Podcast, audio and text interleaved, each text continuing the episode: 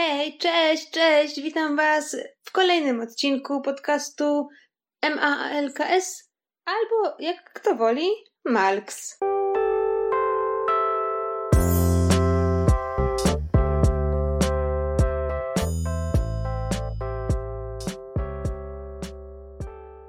Witam Was raz jeszcze, moi kochani. Tak się cieszę, że mogę do Was w końcu pogadać, bo miałam troszeczkę przerwy. Nie chciałam tej przerwy robić, znaczy ta przerwa nie była zamierzona. Tak się po prostu wydarzyło, ale okej, okay, jest dobrze, ponieważ tak z perspektywy czasu mam troszeczkę takich przemyśleń. Wiem, że to jest e, dopiero początek tych e, podcastowych odcinków, ale już z czasem, że tak powiem, z odcinka na odcinek, wydaje mi się, że mam pewne przemyślenia, które są dość istotne.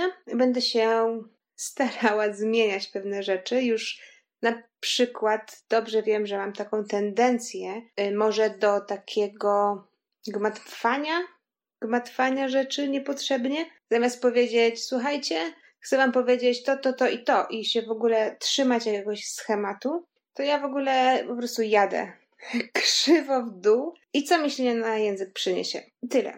Wynika to z dwóch rzeczy. Pierwsza rzecz jest taka, że ja chcę Wam powiedzieć jak najwięcej rzeczy w jak najkrótszym czasie, ponieważ nie chciałabym, żeby te odcinki podcastu były jakieś rozwleczone, żeby jeden odcinek zajmował godzinę, dwie, półtorej, bo to moim zdaniem nie ma kompletnie sensu, bo nawet do pracy nie dojedziesz w tym czasie. No, rzadko kto dojeżdża do pracy półtorej godziny. Jeżeli jesteś takim człowiekiem, to bardzo ci Współczuję i szanuję. Naprawdę szanuję, jeżeli ci się chce pojechać, dojeżdżać do pracy półtorej godziny codziennie w jedną stronę, to respekt dla ciebie, naprawdę. No ale nie oszukujmy się, większość ludzi dojeżdża, no tak, z pół godziny myślę. I w takim właśnie przedziale czasowym chciałabym te odcinki zachowywać. Dlatego ja tak się szybko, szybko spieszę, e, żeby Wam przekazać jak najwięcej rzeczy. I właśnie wtedy wy wychodzi to zagmatwanie. Także postaram się jakoś usprawnić ten proces. Druga rzecz jest taka, że ja chyba mam tendencję do rozwlekania pewnych kwestii. Nie chcę tego robić, więc postaram się, wiecie, kierować się zasadą KISS, czyli Keep It Short and Simple. Mam nadzieję, że mi się to uda. I w tym właśnie, na tej właśnie fali dzisiaj chciałam Wam powiedzieć jedną rzecz, która tak mnie uderzyła ostatnimi czasy a potem jeszcze mam e, troszeczkę do przekazania Wam e, w związku z tymi wydarzeniami, które się dzieją ostatnimi czasy, e, bo dzieje się sporo i dzieją się ważne rzeczy. Także może już zacznę od tematu numer jeden. Zanim to powiem, chciałabym powiedzieć, przekazać Wam dwie rzeczy. Jedna rzecz jest taka, że ja już od pewnego czasu nie mieszkam w Polsce. Do Polski wracam bardzo, bardzo chętnie i na tyle często, na ile mogę, bo lubię. A druga rzecz jest taka, że wydaje mi się, że jestem dosyć dobrym ambasadorem naszego kraju za granicą, bo ja naprawdę lubię Polskę. I jestem dumna z naszej kultury, z naszych e, tradycji. Bardzo jestem wdzięczna, że wychowałam się tam, gdzie się wychowałam. Kocham moje miasto rodzinne, kocham Polskę, kocham Polaków. Więc to nie będzie jakiś hejt, na Warszawę, bo to o Warszawie będzie mowa, jak już pewnie mm, się domyśliliście z tytułu, jeżeli go przeczytaliście. Chciałam wam to powiedzieć, że to nie jest hejt, to to zaraz wam powiem. Ma na celu po prostu może poinformowanie was, albo po prostu przekazanie mojego punktu widzenia. O, i tyle.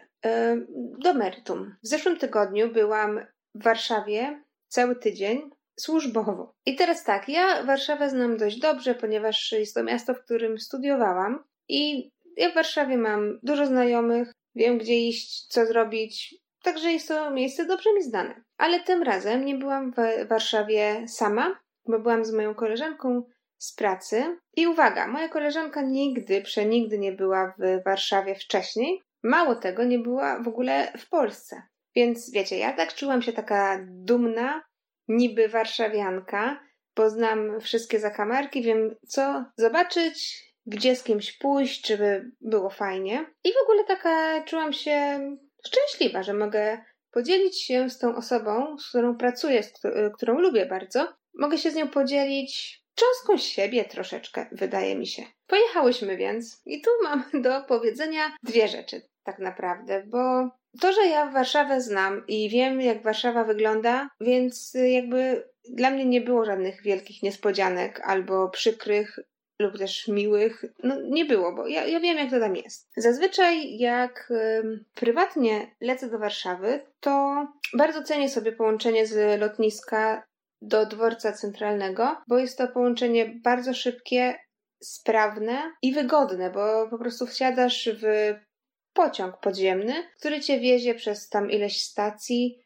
do centrum. I ja zazwyczaj to wybieram. Y, tym razem wybrałyśmy taksówkę z Okęcia, z lotniska do naszej destynacji, którą była Hala Expo, wystawnicza Hala Expo na ulicy Prądzyńskiego. I przez całą drogę tą taksówką starałam się tak zobaczyć, spojrzeć na Warszawę innym wzrokiem, że tak powiem a mianowicie wzrokiem osoby, która jeszcze w życiu nie była w Polsce i która sobie wyrabia jakąś opinię na temat naszego kraju poprzez właśnie siedzenie w tej taksówce. I tak, no, droga z Okęcia nie jest jakaś ani mega ciekawa, ani malownicza. Za dużo tam się nie dzieje, to jest po prostu zwykłe miasto, jakich wiele. Więc y, no, nie było tutaj nic takiego, co mogłabym jej pokazać albo opowiedzieć. Mijaliśmy akademię medyczną, mijaliśmy pola, parki, nic, nic, naprawdę nic. Ale największy szok przeżyłam ja, jak dojechałyśmy do tej lokalizacji, do której miałyśmy dojechać, czyli na ulicę Prądzyńskiego. Jeżeli ktoś nie wie, bo mało pewnie ludzi jest takich, którzy wiedzą dokładnie, jak wygląda okolica hali Expo w Warszawie, bo ja wcześniej tam nie byłam. Nie miałam po prostu takiej potrzeby, nawet jak mieszkałam w Warszawie. Wiedziałam, gdzie to jest, ale nie do końca tam szłam, bo nie było po co. I to był też mój pierwszy raz. Także nie wiedziałam, czego się spodziewać, a spodziewałam się zupełnie czego innego. Więc yy, dojechałyśmy na tej hali Expo i ja szczerze mówiąc się przeraziłam. Bo po pierwsze, to jest y, taka lokalizacja, taka se. To nie jest w centrum za bardzo, ale nie jest też też na uboczu. Ale to jest y, miejsce, które kilka razy w roku organizuje targi, przeróżne targi, na które przyjeżdżają przeróżne osoby, nie tylko Polacy. Pomijając w ogóle sam budynek, bo on nie jest też jakiś ani nowoczesny, ani jakiś zbytnio ładny, po prostu jest budynkiem z cegły, to jak się rozejrzałam w około, to po prostu szczęka mi opadła. No tam nie jest, naprawdę, no to jest po prostu taki wstyd, który przeżyłam, bo Warszawa chce zapraszać do siebie biznes. Chce, aby dużo międzynarodowych firm wystawiało się na targach, a w ogóle nie dba o to, jak postrzegana jest nasza Warszawa przez tych ludzi, którzy przyjeżdżają. Już nie mówię, pal licho obcokrajowcy. Nawet ludzie z Poznania, Krakowa, Gdańska, oni przyjeżdżają na tą halę Expo i sobie myślą, kurczę, po co ja tu przyjechałem? U mnie jest dużo, dużo lepiej.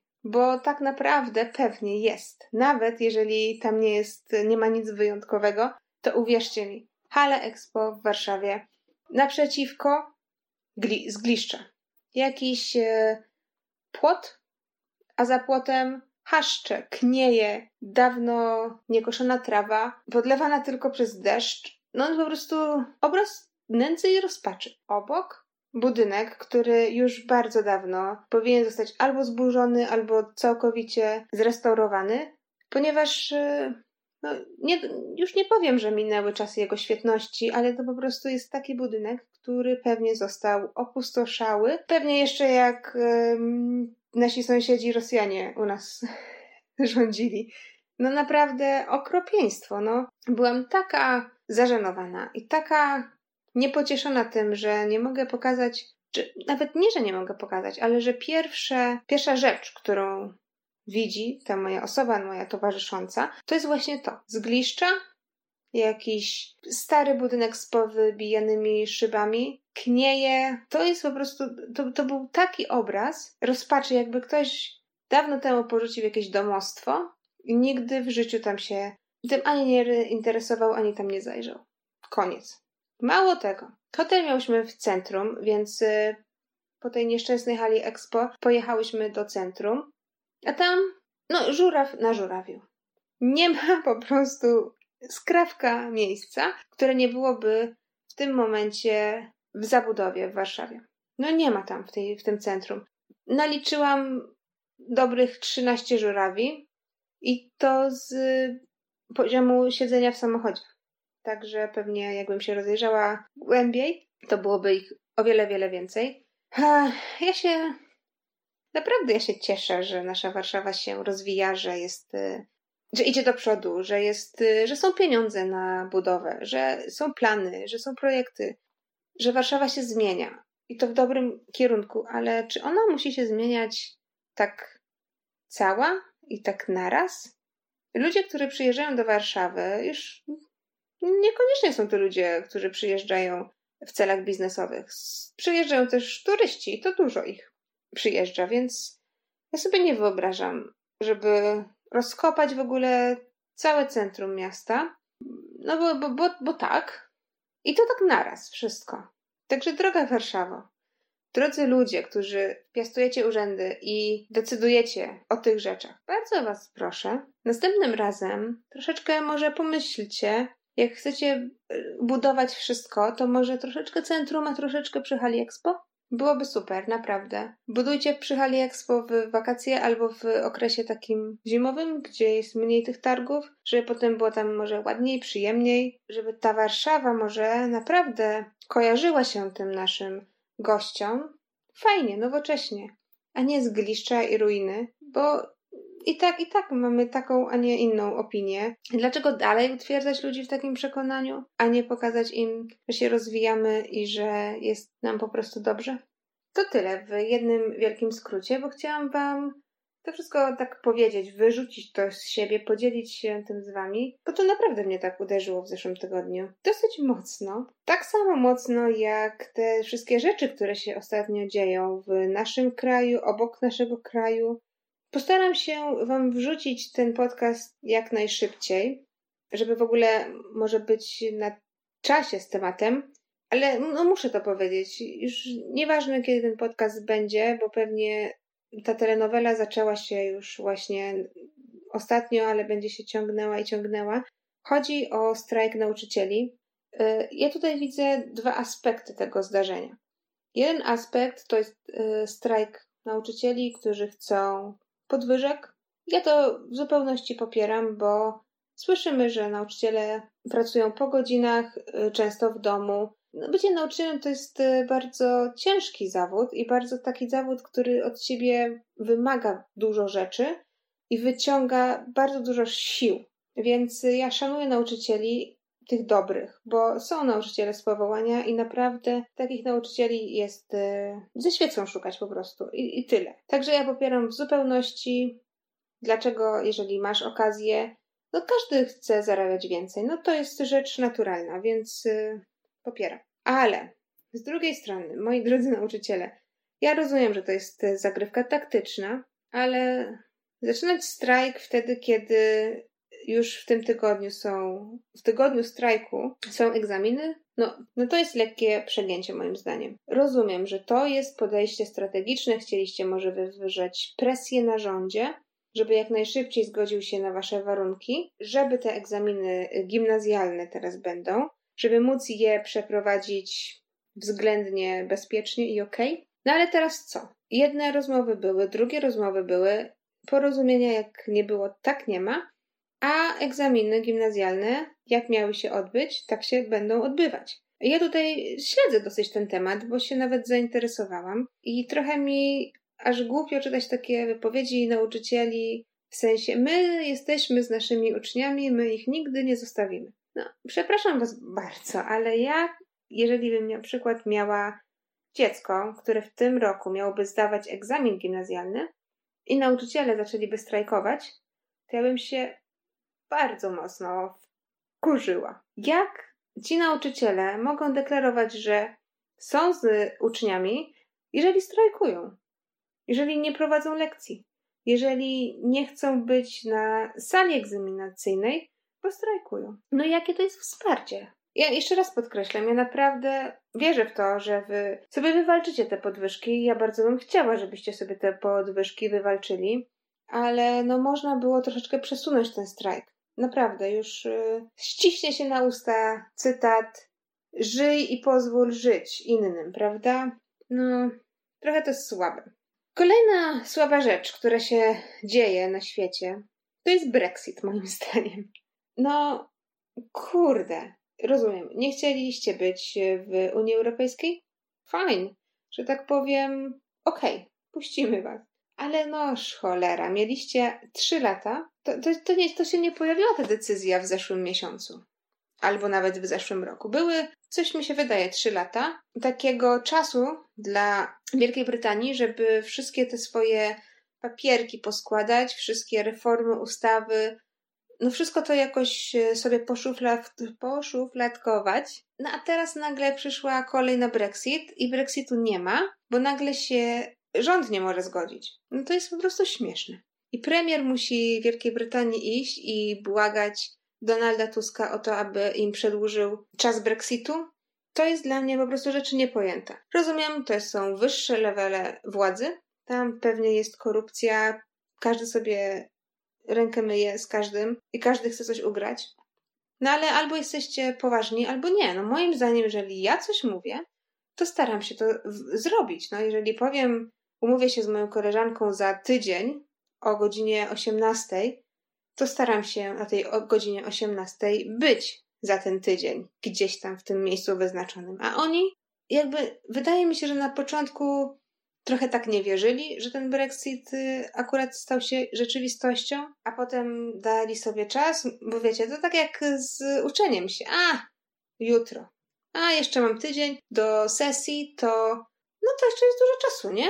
To tak właśnie jest z tym Brexitem, moim zdaniem. To jest yy, żenujące. Znowu, dzisiaj w ogóle jest podcast żenujących rzeczy. To jest, yy, no, śmieszne.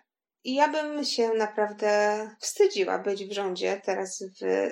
W ogóle, co wy robiliście przez ostatnie trzy lata? No ja się pytam. Na miejscu Donalda Tuska to bym po prostu wzięła za kołnierz i wyrzuciła. Tyle. Chcieliście, to macie, idźcie. Koniec. Bon voyage. Twardy Brexit, do widzenia. Tak to będzie szamotanina. A tak, a nie tak. I oni się jeszcze nie będą godzić przez nie wiadomo ile tygodni, albo miesięcy. Wydaje mi się, że tą Teresę May odwołają ze stanowiska, przyjdzie ktoś inny i znowu trzeba będzie wszystko od nowa zaczynać.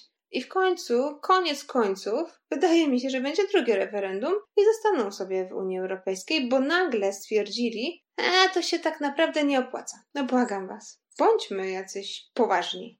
Oj, to się normalnie wzburzyłam. A, a propos poważnych rzeczy i Wielkiej Brytanii, Nagłówki kolorowych pism zdominował temat następnego Royal Baby, tym razem Royal Baby księcia Harego i jego żony Meghan Markle. Ha, Meghan Markle od początku jest takim, taką czarną owcą rodziny królewskiej, mam wrażenie.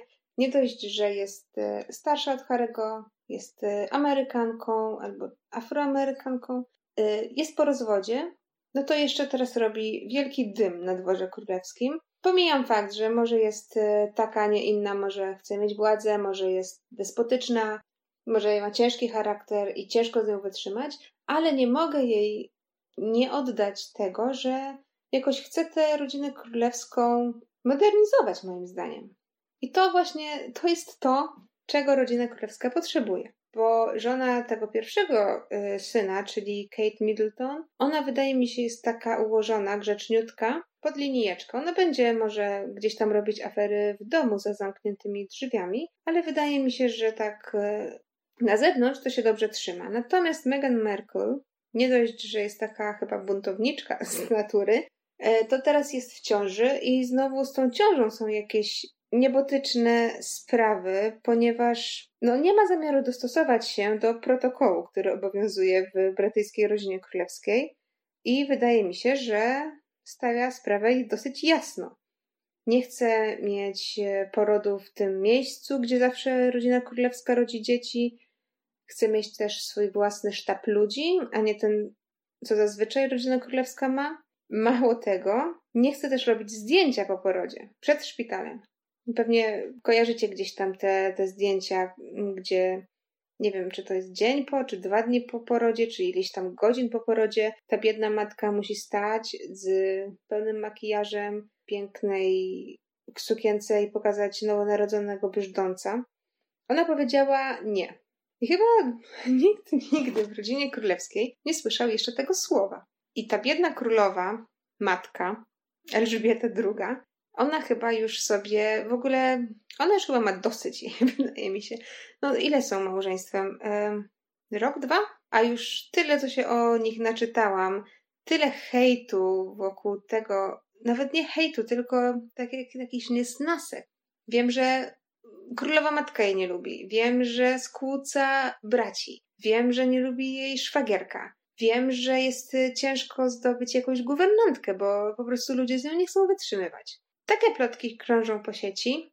To jest dosyć e, interesujące do śledzenia. Jestem bardzo ciekawa, bo Royal Baby ma się pojawić już niedługo pod koniec chyba kwietnia i wydaje mi się, że ta dziewczyna postawi na swoim i może to jest jakiś początek zmian w tej skamieniałej, konserwatywnej rodzinie królewskiej, początek jakiejś może rewolucji i takich prób y, postawienia rodziny królewskiej na równi z nami wszystkimi. Że to już nie jest taka rodzina, która ma zasady, która się kieruje zasadami, która po prostu musi być sztywno pod linijeczkę, tylko oni są tacy jak my, zwykli ludzie, którym się coś nie podoba, którzy chcą sobie normalnie wybrać szpital, bo jest bliżej domu, którzy chcą mieć swoją y, zaufaną położną przy narodzinach dziecka. No czemu nie?